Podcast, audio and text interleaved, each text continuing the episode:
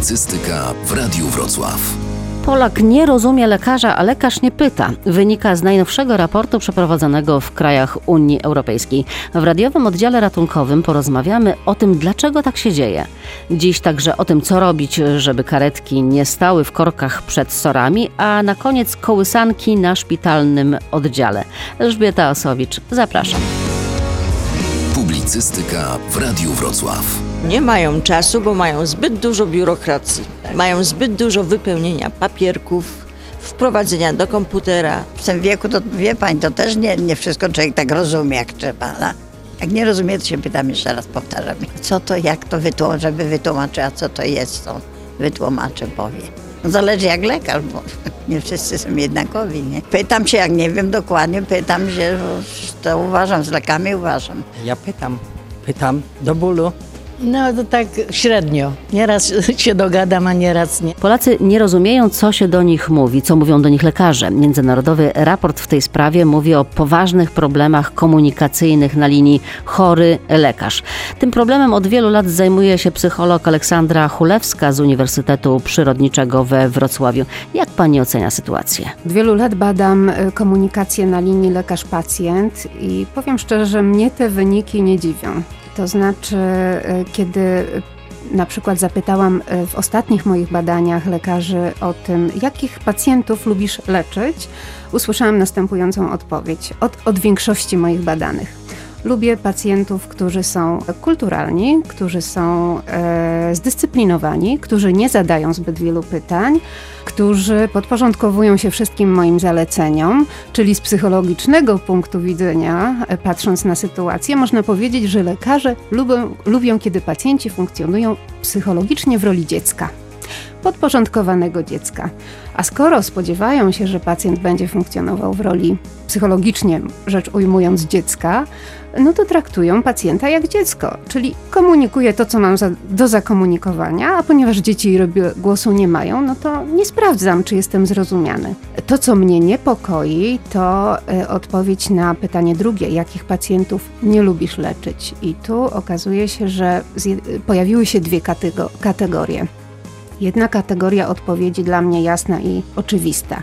Lekarze nie lubią leczyć pacjentów agresywnych, pacjentów chamskich. To chyba nikt nie lubi w ogóle mieć nikt nie do czynienia lubi, z takimi osobami. To rozumiemy, to akceptujemy. Druga kategoria jest niepokojąca, ponieważ lekarze nie lubią leczyć pacjentów asertywnych, pacjentów dociekliwych, pacjentów, którzy chcą brać współodpowiedzialność za własne życie i zdrowie. Tacy pacjenci są nazywani przez lekarzy, których badałam, pacjentami roszczeniowymi, pacjentami trudnymi. Mnie to o tyle niepokoi, że no, jest to z mojego punktu widzenia, z punktu widzenia psychologa, idealny wręcz pacjent. Pacjent, który chce wziąć odpowiedzialność za własne życie i zdrowie, pacjent, który się interesuje tym, co mu dolega, pacjent, który najprawdopodobniej będzie przestrzegał zaleceń lekarskich w przyszłości, a więc nie wróci do przychodni. Natomiast... Ja chyba wobec tego jestem takim nielubianym pacjentem, dlatego że ja chcę krok po kroku wiedzieć, tak. co mi lekarz robi ktoś mi wbija igłę, ja pytam, ale co to jest i dlaczego tak. ja to dostaję? Jest pani w opinii większości lekarzy, nie chcę powiedzieć, że wszystkich, bo zdarzają się też wyjątki, natomiast w opinii większości lekarzy, których badałam, pacjentem trudnym, pacjentem, którego należy jak najszybciej spacyfikować. Bo też jest oczywiście taka grupa pacjentów, którzy przychodzą do lekarza, ale wiedzą lepiej, bo przeczytali w Google. To prawda, natomiast y, no, myślę sobie, że rolą lekarza jest też udzielić wyczerpujących informacji na ten temat i wyprostować te wszystkie nieścisłości, niejasności. Y, ja też obserwuję u pacjentów, u tych, którzy chcą brać odpowiedzialność za własne życie i zdrowie, też wzrost świadomości tego, do jakich źródeł sięgać. To już jest nie tylko doktor Google, to są też specjalistyczne y, opracowania medyczne, także pacjenci są coraz lepiej wyedukowani, przynajmniej pewna grupa. Też jest tak, że my pacjenci, no trochę będę biła się w pierś y, za, za, za nas, mhm. dlatego że przychodzimy i mówimy lekarzowi na przykład, a ja poproszę takie badanie, takie, takie i takie i takie. A lekarz mówi nie. No i wtedy pacjent jest niezadowolony. To prawda i w tym momencie rzeczywiście warto bić się w piersi, ponieważ jednak lekarz ukończył pięcioletnie studia medyczne, następnie specjalizację i on rzeczywiście warto mu zaufać. Natomiast istnieje cienka granica pomiędzy naszą potrzebą uczestniczenia w procesie leczenia, a naszą postawą pod tytułem ja wiem lepiej. Ja wiem, że potrzebuję tego konkretnego specyfiku, poproszę o receptę, dziękuję, do widzenia. No ale też myślę sobie, że rolą le- lekarza, wiem, że dużo wymagam od lekarzy, zaraz opowiem o tym, jak, jak wygląda kształcenie lekarzy. Natomiast no, rolą lekarza jest edukowanie pacjenta i pokazanie mu, że no, e, droga na skróty nie zawsze jest drogą najlepszą. E, chciałabym nawiązać do uczenia lekarzy e, na uczelniach medycznych bardzo dużo uwagi poświęca się kompetencjom, które bym nazwała instrumentalnymi, medycznymi i świetnie. Natomiast proszę sobie wyobrazić, że 3% przedmiotów na całych studiach lekarskich to są przedmioty tak zwane humanistyczno-społeczne. Kiedy lekarz ma się nauczyć y, kontaktu z pacjentem? Jeżeli część z tych przedmiotów to jest historia medycyny, część z tych przedmiotów to jest socjologia, 30 godzin to jest psychologia, tego jest naprawdę bardzo mało. A rozmawianie z pacjentem? Nie wiem, czy jest w ogóle taki przedmiot zatytułowany Rozmowa z pacjentem. Spodziewam się, że to są za- zajęcia pod tytułem psychologia. No właśnie, teraz e, to rozmawianie z pacjentem jest na wielu polach potrzebne, bo zaczynając od tej pierwszej wizyty, od rozpoznania i diagnozy, po komunikowanie właśnie leczenia, przebiegu leczenia, ale też komunikowania porażek czy ciężkich sytuacji, na przykład jak e, powiedzieć o tym, że choroba jest nieuleczalna. Tak, to jest bardzo trudne zadanie, dlatego że no, to wymaga już nie tylko takich, powiedziałabym, nie tylko umiejętności stricte komunikacyjnych, technik komunikacyjnych, ale też to wymaga umiejętności wyczucia tego, czego potrzebuje pacjent w danym momencie. Część pacjentów potrzebuje znać diagnozę rokowania bardzo dokładnie. Chcę wiedzieć, czy jest dobrze, czy niedobrze, chcę wiedzieć, Tak, jak jest. Tak, i trzeba im to powiedzieć. Natomiast część pacjentów nie chce znać szczegółów. I zasypywanie ich szczegółami, bo tak nakazują procedury, na przykład w Stanach Zjednoczonych tak nakazują procedury, może doprowadzić do negatywnych dla zdrowia skutków. Dlatego lekarz powinien być jednocześnie dobrym psychologiem i umieć wyczuć, w którym momencie się zatrzymać, do, do jakiego e, stopnia e, ujawniać pacjentowi wszystkie informacje. Tutaj mamy ten dylemat, prawo pacjenta do informacji, ale też prawo do nieposiadania informacji wtedy, kiedy one są dla mnie zbyt trudne. Ale niech Pani popatrzy, jakie są ogromne te wymagania, bo teraz e, dołóżmy do tego jeszcze wszystkiego to tempo pracy lekarza, który ma na przykład e, na korytarzu siedzi kolejka 20 pacjentów. E, na jednego pacjenta jest 15 minut. Powiedziałabym, że jest to sytuacja wręcz, no, szukam dobrego słowa, patowa. Czeka wielu pacjentów, wielu z nich oczekuje, że poświęcę im maksymalnie wiele czasu i uwagi. Z drugiej strony myślę sobie, że umiejętność sprawnego komunikowania się paradoksalnie ten czas może nam zaoszczędzić, ponieważ na przykład znając techniki asertywności, jestem w stanie kulturalnie, jednocześnie stanowczo powstrzymać pacjenta, który przychodzi nie po wiedzę medyczną, ale po to, żeby sobie porozmawiać. To nie, nie jest rolą lekarza. Bo też jest taka duża grupa. Tak, tak, Pacjentów. dokładnie. Dobrze, posłuchajmy przez chwilę teraz może pacjentów, bo muszę powiedzieć, że zdarzyła się dość niezwykła sytuacja, bo znając ten raport, o którym e, rozmawiałyśmy na początku, poszłam do jednej z wrocławskich przychodni, żeby porozmawiać e, z chorymi. Wybrałam przychodnię przy ulicy Dobrzyńskiej, bo to duży ośrodek, dużo pacjentów. Na początku było mi trudno uwierzyć w to, co słyszę. Mnie się udaje, udaje mi się rozmawiać z lekarzem, u którego tutaj przychodzę i muszę przyznać, że mam dobre odczucia. To znaczy, lekarz nawiązuje ze mną rozmowę, pyta o to, o tamto. Korzystałem z okulisty, korzystam z diabetologa, bywam u kardiologa, także mam dosyć szeroki wachlarz, ale muszę powiedzieć, że to chyba zależy także w dużym stopniu od pacjenta. Czy pacjent zawsze musi żądać? Nie. Pacjent przychodzi po poradę. I jeżeli zdenerwuje lekarza, to ja mu się czasami nie dziwię. No bo roszczenia ze strony pacjenta są czasami tak wygórowane, a pacjent musi zrozumieć, że lekarz jest też człowiekiem, też może chorować, a poza tym on ma takie przepisy, i tutaj wchodzić można w tą sprawę, że te przepisy różne, ta dokumentacja tak zwana medyczna, prawda, czy inna, ona może mu zajmować bardzo dużo czasu. Jeszcze jedno pytanie. Czy pan zawsze rozumie to, co lekarz do pana mówi? Chodzi mi o ten język medyczny. Nie, rozumiem.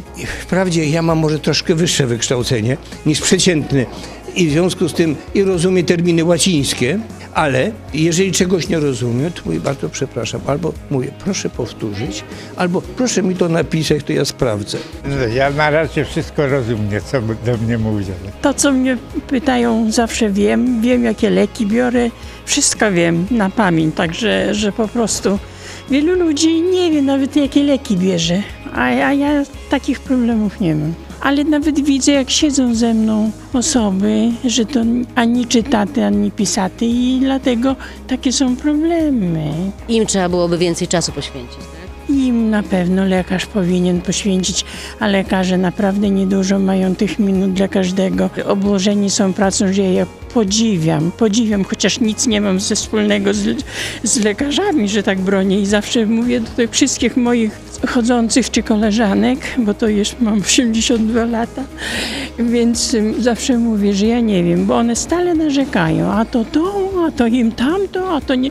Ja mówię, ja nie wiem, no co, czyżbym wyjątkowo, bo gdybym do jednego lekarza chodziła, a ja chodzę do bardzo, do, do różnych specjalistów, tyle chorób mam.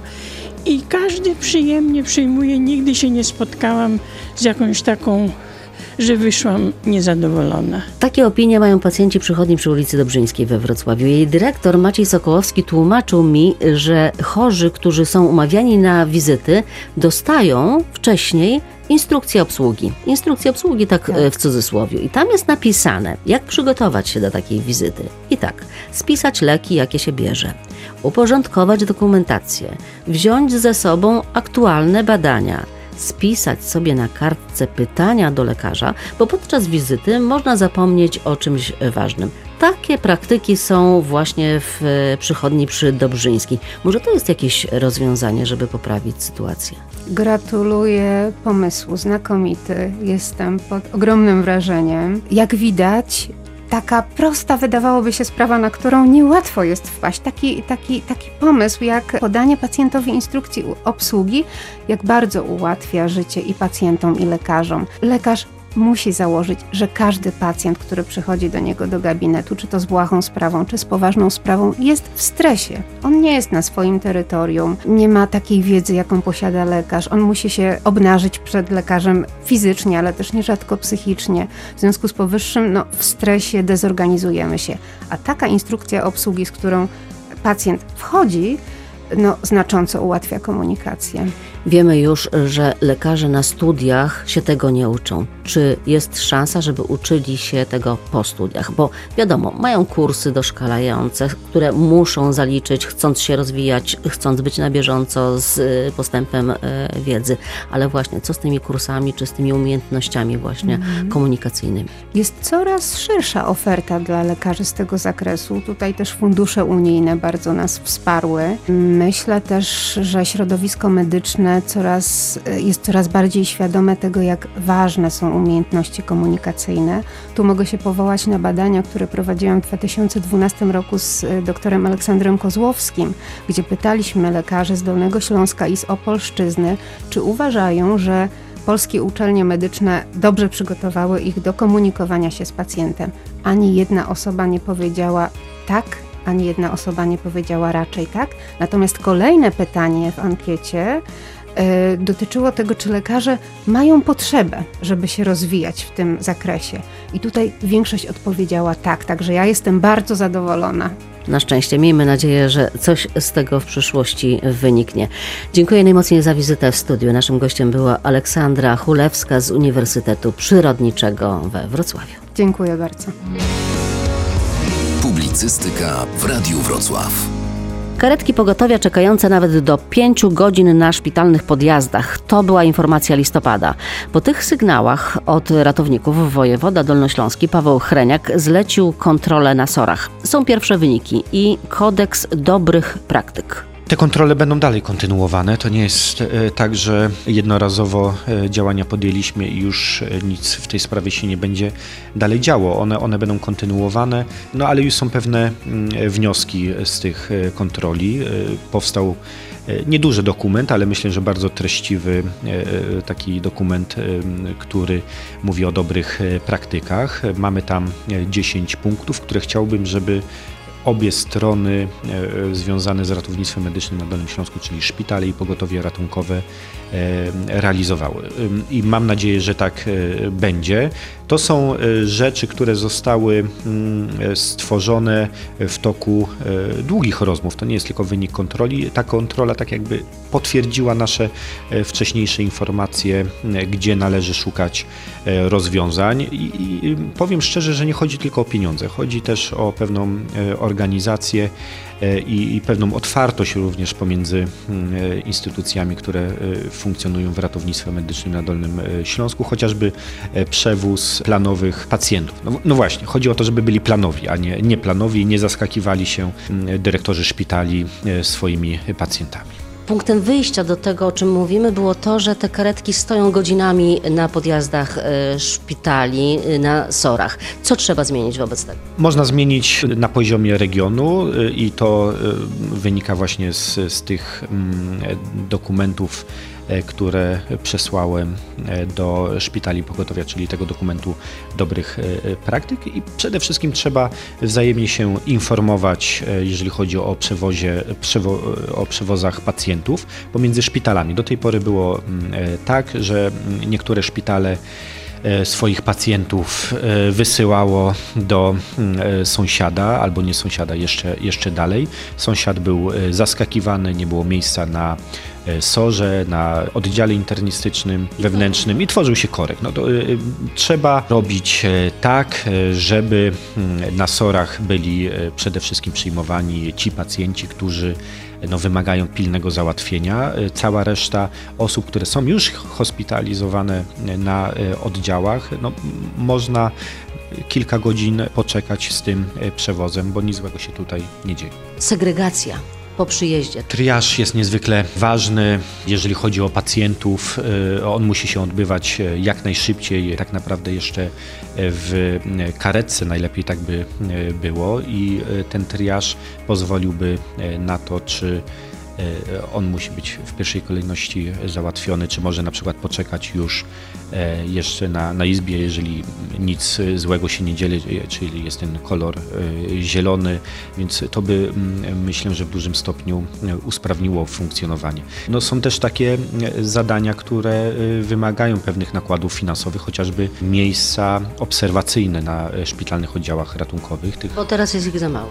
Jest za mało, to te kontrole również potwierdzają potwierdzają, ale są też dobre informacje. Y, z całą pewnością chociażby w szpitalu wojskowym w połowie roku y, przyszłego, bo tam jest y, teraz realizowana duża inwestycja tych miejsc obserwacyjnych na, na SORze będzie więcej. Ale tutaj szukamy różnego rodzaju rozwiązań również ze szpitalami, z pogotowiem ratunkowym. Myślę, że będzie, będzie lepiej. Ta zima wierzę głęboko, że będzie lepsza niż ta, co za nami, a tak realnie Dolnoślązacy po zmianach również systemowych E, myślę, że po wakacjach powinni e, odczuć już taką e, znaczącą poprawę w tym zakresie.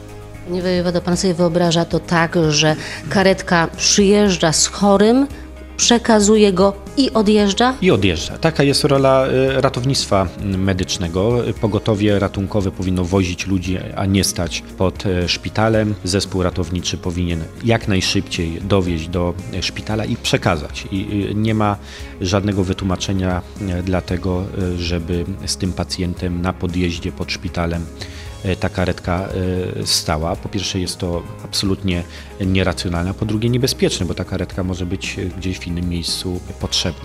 Dyrektor wrocławskiego pogotowia Wincenty Mazurec chwali rozwiązania proponowane przez wojewodę i deklaruje ich wdrażanie. Pracujemy cały czas nad doskonaleniem swoich umiejętności. Nie ulega wątpliwości, że te zalecenia, ta prośba pana wojewody do, do i pogotowia, i, i do jednostek szpitalnych, y, mam tu na myśli SORY, Izby Przyjęć, w jakiś sposób znaczący sytuację przynajmniej uzdrowi. I mam nadzieję, że to będzie korzystne i dla realizatorów, i dla tych osób potrzebujących te niedoskonałości, te, te uchybienia leżą i też i, i nieraz po naszej stronie. Na pewno mm, sam, sam przyjazd do, do SOR-u czy do Izby Przyjęć no, powinien dzisiaj być sprawniej załatwiany i dlatego po tych zaleceniach y, przekonany jestem, że tą sytuację uzdrowimy, przynajmniej ze swojej strony. Jako dyrektor pogotowia zrobię wszystko, żeby tą naszą mobilność e, zwiększyć e, i poprawić sytuację. Pozostaje wierzyć w te deklaracje. Kolejne kontrole pokażą, jak jest w rzeczywistości. I zanim jeszcze będą oficjalne wyniki, pacjenci sprawdzą to na własnej skórze. Publicystyka w Radiu Wrocław. W klinice przy ulicy Borowskiej we Wrocławiu otwarty został pierwszy na Dolnym Śląsku bank mleka. O idei tego pomysłu rozmawiałam z szefową kliniki neonatologii, profesor Anną Królak-Olejnik. W większości staramy się karmić chore dzieci i wcześniaki mlekiem własnych matek ale niestety bardzo często są sytuacje, że mama jest na tyle chora, że nie jesteśmy w stanie z nią rozmawiać o mleku dla jej dziecka, albo jest y, w dużym stresie i nawet stymulacja laktacji w początkowych dniach po urodzeniu dziecka nie jest skuteczna. I wtedy albo nie karmiliśmy przez pewien czas, czekając aż mama nam przyniesie mleko, albo podawaliśmy mieszankę. Dzieci... Mieszanka to coś sztucznego, tak? Oczywiście, to jest sztuczne mleko, które dostaje mały wcześniak. Są dzieci, które tolerowały tą sztuczną mieszankę, ale były takie, które miały zalegania, wymioty, wzdęcia brzuszka i zastanawiałyśmy się, czy to z powodu choroby, czy nietolerancji mleka tego sztucznego. Mama przynosiła własne mleko, mijały 2-3 dni i wszystko wracało do normy. No i stąd myślę, no na całym świecie idea powstania banków mleka kobiecego, bo właśnie w tym krótkim okresie, kiedy tego mleka nie mamy, kiedy jest sytuacja trudna, a chcielibyśmy, żeby ten mały człowiek dostawał również coś dożołądkowo i dojelitowo, żeby to było również naturalne i biologicznie zgodne z człowiekiem, prawda? Czyli gatunkowo swoiste. Ile potrzebujecie mleka? To jest, y, myślę, że odpowiedź będzie zaskakująca, dlatego że im ten człowieczek po urodzeniu jest mniejszy, tym tego mleka potrzebuje mniej. My zaczynamy od 1-2 ml karmienie. To są naprawdę minimalne ilości, ale jak mamy mleko mamy, to każde karmienie jest o 1, o 2 ml większe w objętości tego mleka. Czyli zaczynamy od jednego, potem dwa, potem trzy i tak podajemy co 3 godziny we wzrastających ilościach. I wyraźnie widzimy, że jak dziecko dostaje tylko mleko mamy, nie mamy doświadczenia z mlekiem kobiecym, mamy tylko mleko mamy, czyli tej mamy, która dziecko urodziła. To w ciągu dwóch, pięciu dni jesteśmy w stanie podać tylko mleko i zrezygnować z kroplówek. Właściwie najdłużej w tej chwili mamy żywione dzieci pozajelitowo, bo nie dostają właściwych ilości mleka dożołądkowo około tygodnia, a jeszcze niedawno to były trzy tygodnie, to był miesiąc, to było sześć tygodni bo dzieci nie trawiły sztucznych mieszanek i musiały dostawać farmakologiczne żywienie dożylne. No to coś chyba nie, nie za dobrego. No i stąd idea banków mleka, żeby właśnie w tych sytuacjach pomagać tym dzieciom, których mamy nie mają mleka. Nie dlatego, że nie chcą, że nie są w stanie wystymulować, że są chore, że musimy zaczekać, aż ich stan będzie na tyle dobry, żeby były źródłem mleka dla własnego dziecka. Myśli Pani, że znajdą się chętne, które będą chciały oddawać swoje mleko do szpitala? One już są. One już pytają. My już mamy telefony, czy mogłyby mamy, które mają nadmiar mleka, do nas się zgłosić i to mleko nam oddać. A nawet mamy sytuację, że mamy, które są długo z nami, bo mamy długo pacjentów w oddziale, to one idą do domu, my otwieramy lodówkę, a tam pełna szuflada mleka. Naprawdę, ja mam w tej chwili dwie szuflady w zamrażarce mleka mam, które już poszły do domu. Może jak sobie przypomną i nie będą miały już własnego, aczkolwiek nie sądzę, bo te panie mają bardzo dobrą laktację, bo to właśnie te mamy do nas przychodzą i pytają, czy one mogłyby być dawczyniami i oddać mogłyby mleko dla innych dzieci, bo wykarmiają swoje, a jeszcze im zostaje. Ile w stanie jest y, jedna kobieta, jedna matka y, wykarmić dzieci? Ile, bo e, produkuje, to, to w ogóle straszne słowa jakieś mi się tutaj właśnie, kobieta, która produkuje mleko, nie wiem jak to nazwać, ale... Produkuje. Znaczy to jest bardzo różnie, bo najczęściej jest tak, że mamy wcześniaków po urodzeniu dziecka muszą stymulować laktację. Bo jeżeli kobieta rodzi zdrowe dziecko, to to dziecko zostaje razem z mamą, jest przystawione do piersi i przystawianie dziecka do piersi i kontakt kobiety z jej własnym dzieckiem powoduje, że następuje naturalna stymulacja laktacji i pokarm jest obecny. Natomiast jeżeli kobieta rodzi chore dziecko, albo małe dziecko, albo sama jest chora, to my musimy y, nie farmakologicznie, ale medycznie wystymulować, sprzętem wystymulować. Stosujemy odciągacze elektryczne, za pomocą których kobieta, tak jakby przystawiała dziecko do piersi, odciąga to mleko. Najpierw go nie ma, ale to jest bodziec do ośrodkowego układu nerwowego, mózgu, pomyśl, ta kobieta ma dziecko, zacznij produkować. No i tak jest, 2-3 dni i ta kobieta ma odpowiednią ilość mleka.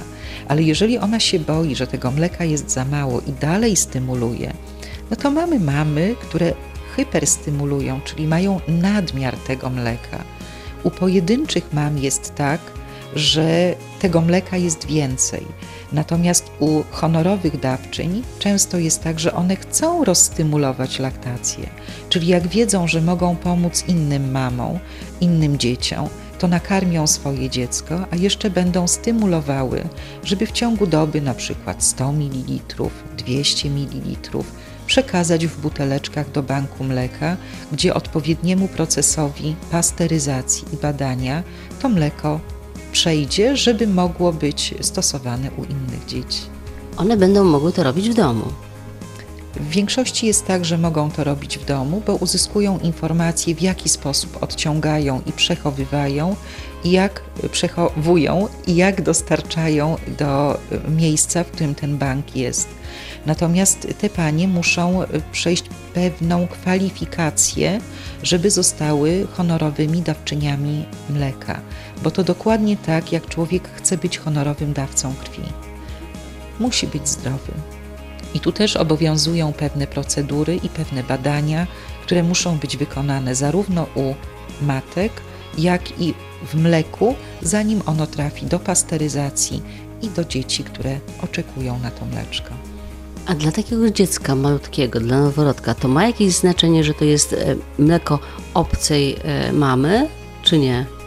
To mleko jest pasteryzowane. Czyli to jest tak, jak e, czasami ja słyszę pytanie, czy jak dziecko dostanie krew, to będzie inne? No, tu jest dokładnie taka sama odpowiedź. Jeżeli są wskazania, a to są w pełni medyczne wskazania, a są w 100%, bo jeżeli my podamy mleko kobiece, to nie będziemy mieli centralnego wkłucia, czyli cewnika włożonego do żyły centralnej po to, żeby dziecko odżywiać pozajelitowo. Jak usuwamy ten cewnik, to najczęściej już nie mamy antybiotykoterapii, czyli dziecko nie dostaje antybiotyku. Jak nie dostaje antybiotyku i nie ma cewnika, to ono jest karmione tylko dożołądkowo, a potem doustnie, czyli szybciej przybiera na wadze, szybciej wyjdzie z inkubatora w cudzysłowiu i szybciej może opuścić szpital. Czyli koszty, jeżeli przeliczamy to na koszty pobytu pacjenta, w przyszłości na pewno będą niższe. Jeżeli liczymy to na stan zdrowia, to taki mały człowiek, bardziej zdrowy, bo mniej intensywnie leczony w oddziale, ma szansę wyjść od nas, nawet jak jest bardzo małym i bardzo chorym wcześniakiem. Profesor, jak długo powinno karmić się piersią dzieci? Zalecenia już od wielu, wielu lat i europejskie, i światowe, od ubiegłego roku również polskie, mówią, że karmienie wyłącznie mlekiem mamy, a jeżeli nie mamy mleka mamy, to mlekiem kobiecym z banku mleka kobiecego, to jest tak zwane mleko drugiego wyboru, powinno być stosowane u dzieci do końca szóstego miesiąca życia. Czyli do skończenia pół roku dziecko powinno otrzymywać tylko i wyłącznie mleko mamy. Na ile tak się dzieje? Bardzo rzadko. Polska niestety ma bardzo złe wskaźniki karmienia piersią. Jest ich niewiele, bo nie cała Polska monitoruje i nie mamy danych dotyczących całego kraju. Wybrane dane z poszczególnych rejonów są bardzo, bardzo złe. W pojedynczych ośrodkach bardzo dobre wyniki osiąga Warszawa, Kraków, małe miasteczka. Natomiast średnia, y, średni czas karmienia w Polsce to jest miesiąc, dwa. W szóstym miesiącu życia polskie wskaźniki, takie ogólnokrajowe, yy, przekładane na cały kraj, bo wykonywane w kilkudziesięciu szpitalach Polski, mówią o 3-4% wskaźniku karmienia piersią w szóstym miesiącu życia. Natomiast w dwunastym miesiącu życia pojedyncze mamy mówią, że jeszcze w ogóle karmią piersią. Więc analiz, jeżeli porównujemy siebie z danymi przedstawionymi przez Światową Organizację Zdrowia, to jesteśmy no, troszeczkę za Wielką Brytanią i Grecją, gdzie dane z całego kraju mówią, że 1% kobiet karmi w szóstym miesiącu życia. Dla przykładu w Stanach jest taki Narodowy Program Zdrowia, przedłużany już od ponad 20 lat, którego jednym z głównych celów jest uzyskanie wysokiego wskaźnika wyłącznego karmienia piersią. I ten program został przedłużony jeszcze do roku 2020, bo nie osiągnęli pułapu 30% kobiet karmiących wyłącznie piersią w szóstym miesiącu życia cały czas monitorują wykładniki, cały czas zastanawiają się, co poprawić, żeby przy 30% wskaźniku w szóstym miesiącu życia dzieci było jeszcze lepiej. A do tego mamy jeszcze do czynienia z sytuacjami, gdzie kogoś oburza w Polsce, że kobieta w miejscu publicznym karmi dziecko. Co pani o tym myśli? Ale przecież to jest naturalny sposób żywienia człowieka. Całe życie było tak, że młody, mały człowiek miał szansę na przeżycie. Młody ssak ma szansę na przeżycie tylko wtedy, jeżeli karmi go własna mama. Zwierzęta, gdyby nie były karmione przez własne matki, nie żyłyby. To tylko człowiek dostosował się do chemii, niestety, i do tak mocno uprzemysłowionego świata, że karmienie naturalne i żywienie naturalne dopiero zaczynamy o nim myśleć. Ale dlaczego myślą o tym ludzie dorośli, młodzi, którzy chcą się żywić naturalnie, a nie myślimy o tym od urodzenia, kiedy mamy olbrzymi potencjał, bo każda kobieta, no może pojedyncze ze względu na ciężki stan zdrowia czy inne sytuacje, bo różne się zdarzają. Więc mówię, na pewno nie jest tak, że w 100% ale no na pewno 90% kobiet jest w stanie wykarmić swoje dzieci przez 6 miesięcy życia. Publicystyka w Radiu Wrocław. I na koniec świąteczny akcent w radiowym oddziale ratunkowym. W klinice ginekologii i położnictwa przy ulicy Chałbińskiego we Wrocławiu zabrzmiały kolendy i kołysanki. Grali muzycy z Narodowego Forum Muzyki. Gwiazdą wieczoru była Alicja Janosz, a na widowni byli lekarze, pielęgniarki, ciężarne kobiety i ich mężowie. Czasem przychodzę do szkoły rodzenia i mówię Kochani, będziemy śpiewać. Nazywam się tak i tak, przychodzę z Narodowego Forum Muzyki w ramach akcji Pośpiewaj mi mamo, pośpiewaj mi tak. I widzę, że siedzi pan, panowie wybaczcie, ale to, to, to tak czasem bywa, to, to tylko u panów się spotyka, ale to nie, nie to, żebym ja tam jakoś specjalnie miała przeciwko panom coś, tylko o samą postawę. I tak mówię, kochani, będziemy śpiewać. I tak widzę, że trzyma pan tatuś ręce i tak i widać w jego oczach, Jezus, skąd ta dziewczyna się urwała? Czy ona myśli, że ja będę śpiewał? Co to w ogóle jest? Co ja tu robię? Przecież tam jest mecz piłki nożnej. I tak sobie myślę, kurczę, nie no, ten tata to chyba nie będzie śpiewał tych kołysanek.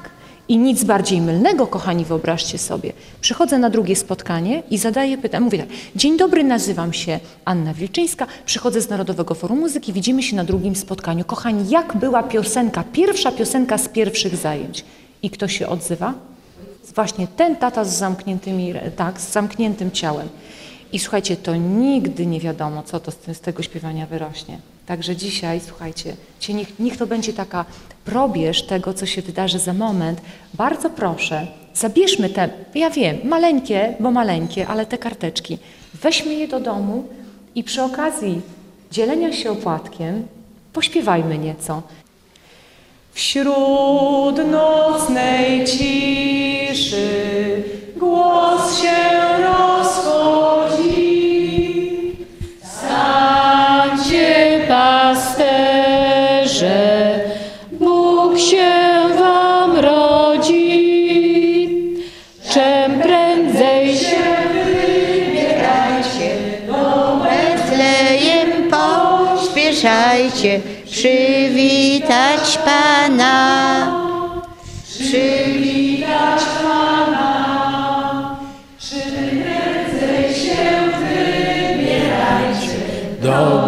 Do Betlejem pospieszajcie przywitać Pana.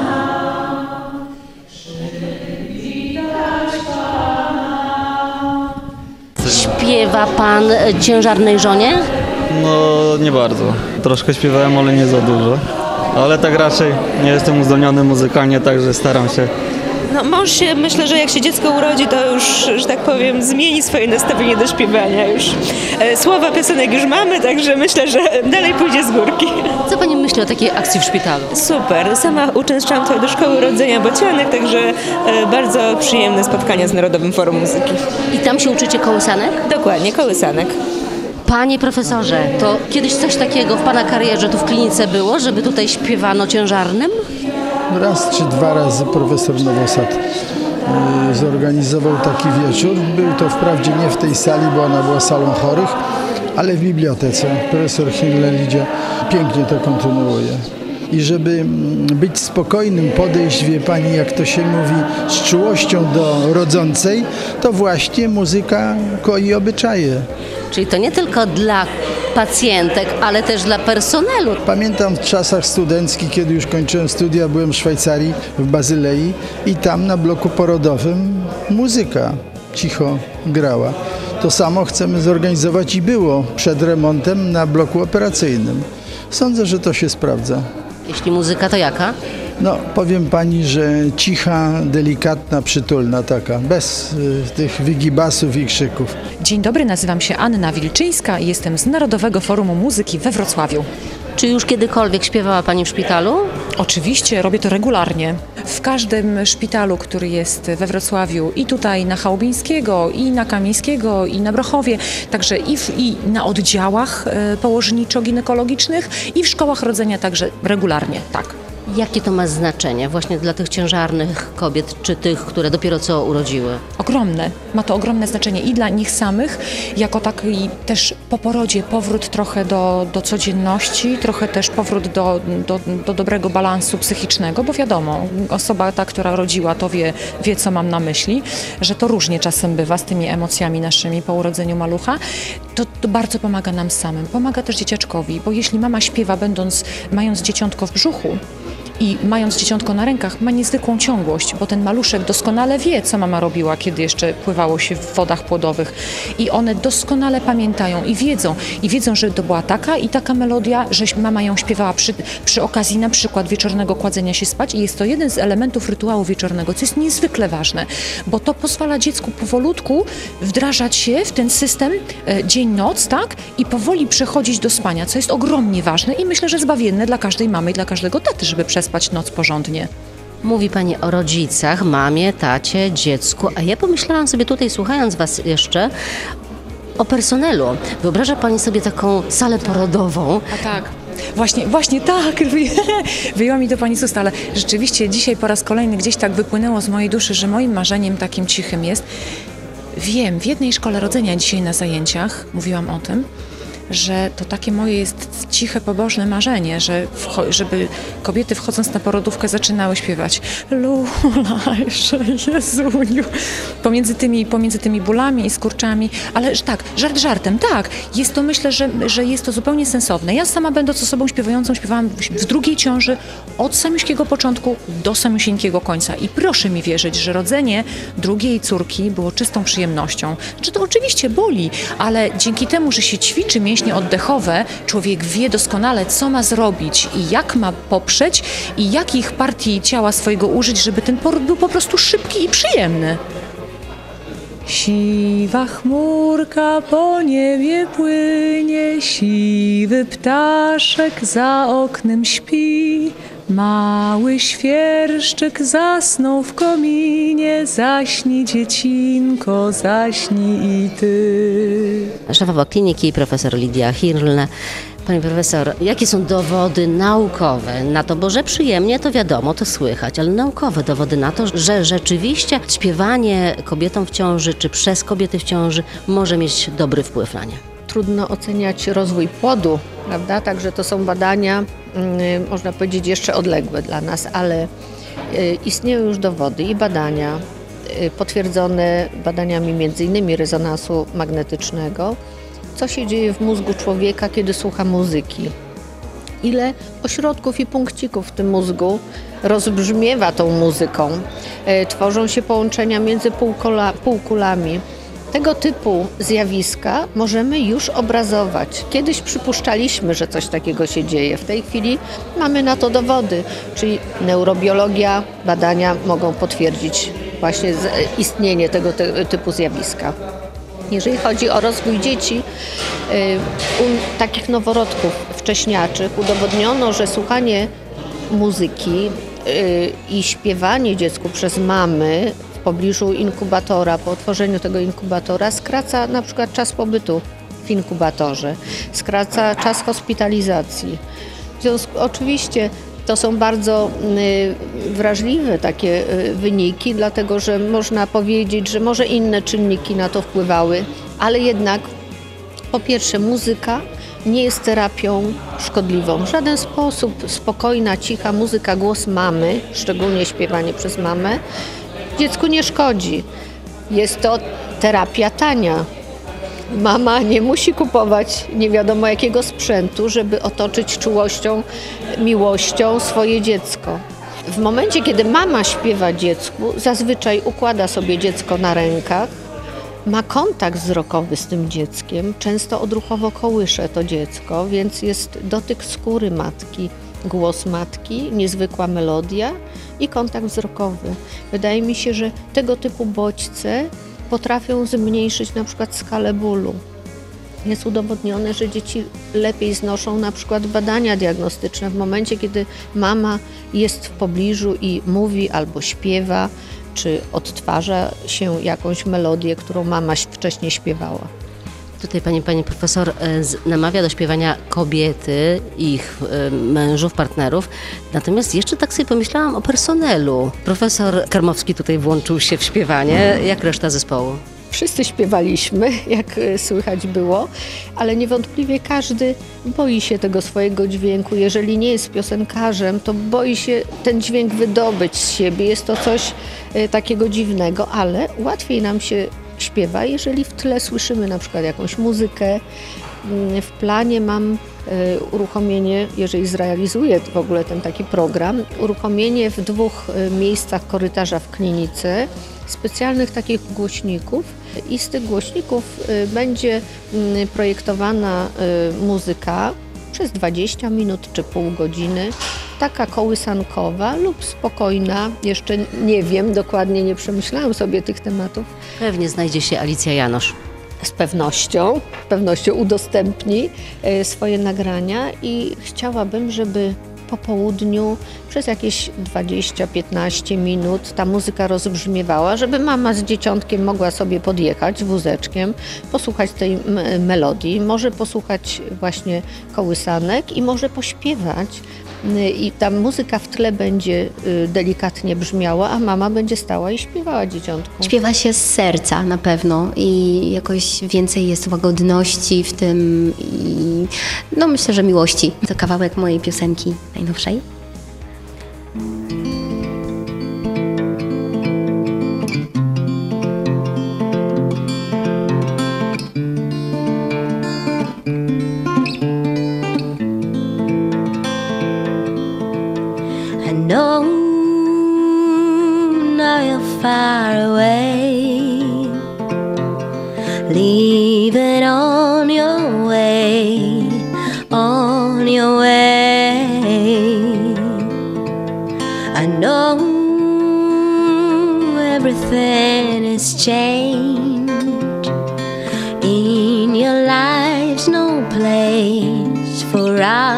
No place. But if the wind destroy all your house and water will take everything you have,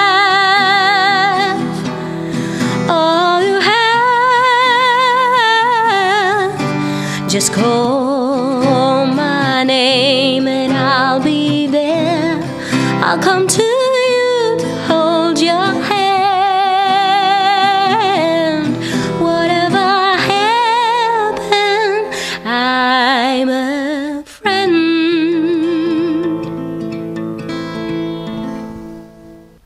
pierwszy koncert w szpitalu? Tak, pierwszy zdecydowanie. Jak tutaj było? Poruszająco dla mnie osobiście, troszkę z komplikacjami, bo zostałam sama z gitarą na polu e, walki, a gitarzystką wytrawną niestety nie jestem jeszcze. Natomiast e, dodatkowa e, trudność, jaka mnie dziś spotkała, to śpiewanie z zapaleniem krtani, co jest niestety słyszalne, ale jak już powiedziałam w trakcie koncertu, e, mamy, które rodzą w tym szpitalu, dają radę ze wszystkim. Tak więc takie rzeczy nie są straszne. W radiowym oddziale ratunkowym na dziś to już wszystko. Dziękuję za uwagę. Elżbieta Osowicz. Do usłyszenia.